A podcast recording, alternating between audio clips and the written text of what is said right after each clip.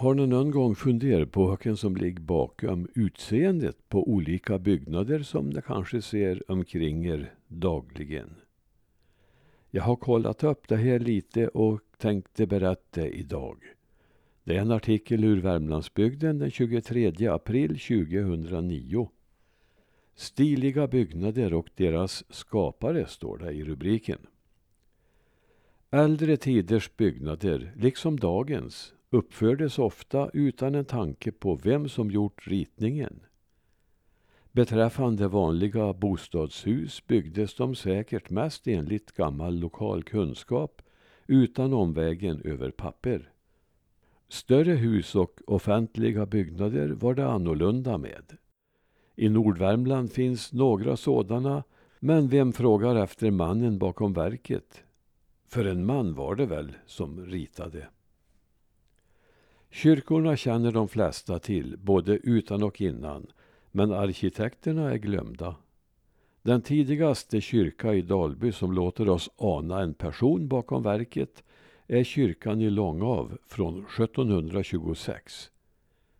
I skrifter finns angivet att byggmästaren hette Erik Trygg och kom från Tuna i Dalarna. Om han stod för ritningen är inte bekant. På 1740-talet försågs kyrkan invändigt med dekorationer av Daniel Julström från Östergötland.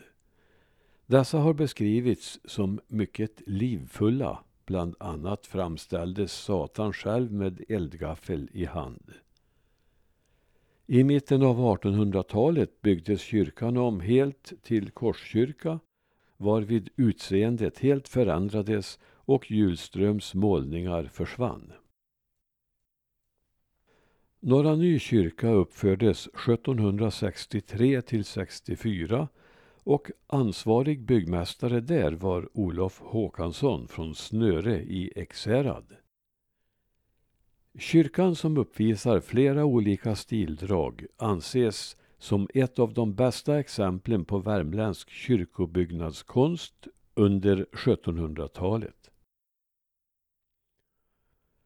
Efter många stridigheter och diskussioner beslutades 1826 att Södra och Norra Finnskoga skulle bilda kapellförsamlingar till Dalby och få egna kyrkor. 1934 var dessa kyrkor klara att tas i bruk även om de var långt ifrån färdiga. Den arkitekt som fick förtroendet här var ingen mindre än Axel Nyström, stadsarkitekt i Stockholm. Denne var ett av den tidens stora namn inom arkitektur och han blev också professor och sekreterare i Konstakademin. När Norra Finnskoga kyrka brann 1968 uppfördes en ny kyrka med ett modernt och annorlunda utseende. Det var arkitekten Lars-Erik Havstad i Karlstad som hade anlitats. Det mycket dominerande taket är utvändigt klätt med kopparplåt medan det invändigt, liksom väggarna, klätts med furupanel. Fönstren upptar hela långsidorna och när man sitter där inne har man kyrkogården och gravarna till höger och barrskogen på kyrkbröst till vänster. Havstad själv har påpekat att han hade en upp och nervänd båt i tankarna då han ritade kyrkan. En plats där människor kunde söka skydd. Kyrkan saknar torn men klockstapeln strax intill är också den ritad av Lars-Erik Havstad. Vikenkyrkan i Karlstad är även den ritad av samma arkitekt och där ska kyrkans torn fungera som ett fyrtorn ut mot Mariebergsviken. Kyrkans tupp har också samma upphovsman. I Dalby visade det sig på 1920-talet behövas en ny kyrka. Den arkitekt som då anlitades var värmlänningen Bror Almqvist, född 1864 i Borgvik och uppväxt i Älvenäs. Han gick på läroverk i Karlstad och utbildade sig vidare i Göteborg och Stockholm. Största delen av sitt yrkesverksamma liv levde han för övrigt i huvudstaden där han hade sitt ritkontor. Han utnämndes också till extra ordinarie arkitekt vid överintendentämbetet. För värmlänningarna är Almqvist känd för att ha ritat folkskoleseminariet i Karlstad och vidare ett antal kyrkor, bland andra Nyskoga och Dalby kyrkor.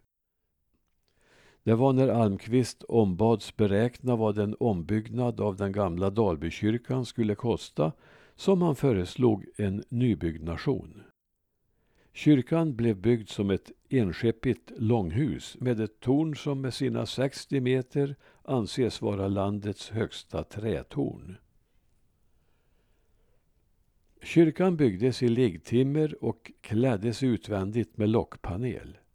Interiört har långhuset så kallade trepassformade valv som bärs upp av rödmålade kolonner. Liknande kolonner bär också upp orgelläktaren. Vad beträffar tak och väggmålningarna är det konstnären Tor Hörlin som är mästare till dessa. Hörlin kom från Stockholm men var en tid bosatt i Arvika. Målningarna föreställer olika motiv ur Bibeln. Samme konstnär försåg också bland annat Sunne kyrka med målningar. Beträffande Bror Almqvist så var han också ansvarig för en viss restaurering av Norra Ny kyrka 1924 då vissa förändringar gjordes i interiören men då framförallt tornspiran återuppbyggdes till det skick som låg nära det ursprungliga. Spiran hade nämligen tagits ner 1806 och ersatts av en lägre modell. I Lilla Nyskoga församling var det återigen tidigare nämnde Axel Nyström som stod för ritningen till kyrkan. I bygden fanns en stark optimism och förhoppning om befolkningsökning och kyrkans storlek blev därefter. När den förväntade expansionen uteblev ersatte man 1927 den halvsekelgamla kyrkan med en betydligt mindre skapad av, ja visst, Bror Almqvist. En annan arkitekt som kom från norra Värmland och som blivit åtskilligt omskriven i lokalpressen var Lars Bäckvall från Transtrand. Vad som gjort honom ryktbar var väl hans nästan övermänskliga dokumentationsarbete om Nordvärmland, men sin yrkeskarriär utförde han som arkitekt i Stockholm och i Amerika. Med sin stora arbetsförmåga lyckades han utbilda sig till arkitekt samtidigt som han gjorde husritningar och fick in pengar till fortsatta studier.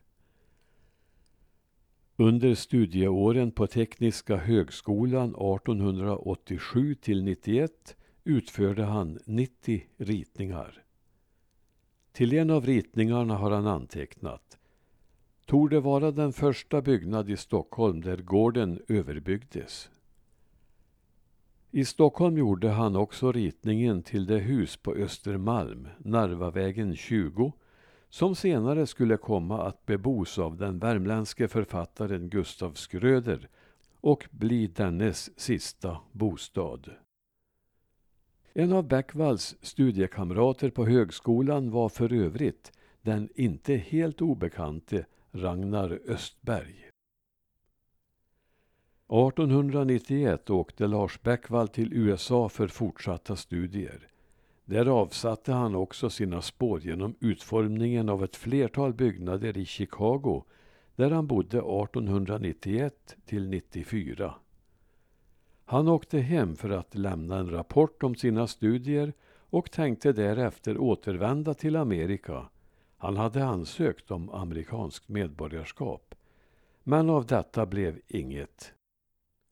Några år var han också byggnadskontrollant för Stockholms stad. Så småningom upphörde hans arbete vid ritbordet helt för att ersättas av ett frenetiskt forskande i hembygdens historia. Den sist daterade ritningen kom till 1922. Då hade han redan ritat skolhusen och lärarbostäderna i Hole, Brattmon och Långav. Alla i samma modell, några år tidigare. Dessa byggnader, dock inte i Långav, finns ännu kvar, om och betydligt förändrade interiört. En annan byggnad i hans gamla hembygd som han ritat är huvudbyggnaden på gården Strandås norr om gärdsgiveriet. Där finns ytterligare ett par byggnader i Dalby församling som kan vara värda att nämnas i sammanhanget. Den ena är Sandgården i Gunneby som väcker vägfararnas uppmärksamhet med sin imponerande storlek. Den muntliga traditionen förtäljer att när riksdagsman Bengt Bengtsson lät uppföra huset såg han till att det skulle bli så stort att Dalby prästgård skulle kunna rymmas innanför väggarna. Ett annat hus med speciell byggnadshistoria är verkstaden vid Näckån. Huset sattes upp av bröderna Jöns och Marcus Svanberg och ritningen har sagts vara densamma som till stationshuset i Fränsta. En titt på en bild av detta stationshus visar att det inte är en exakt kopia men bröderna har kanske haft ritningen som utgångspunkt och sedan byggt vidare med konstnärlig frihet.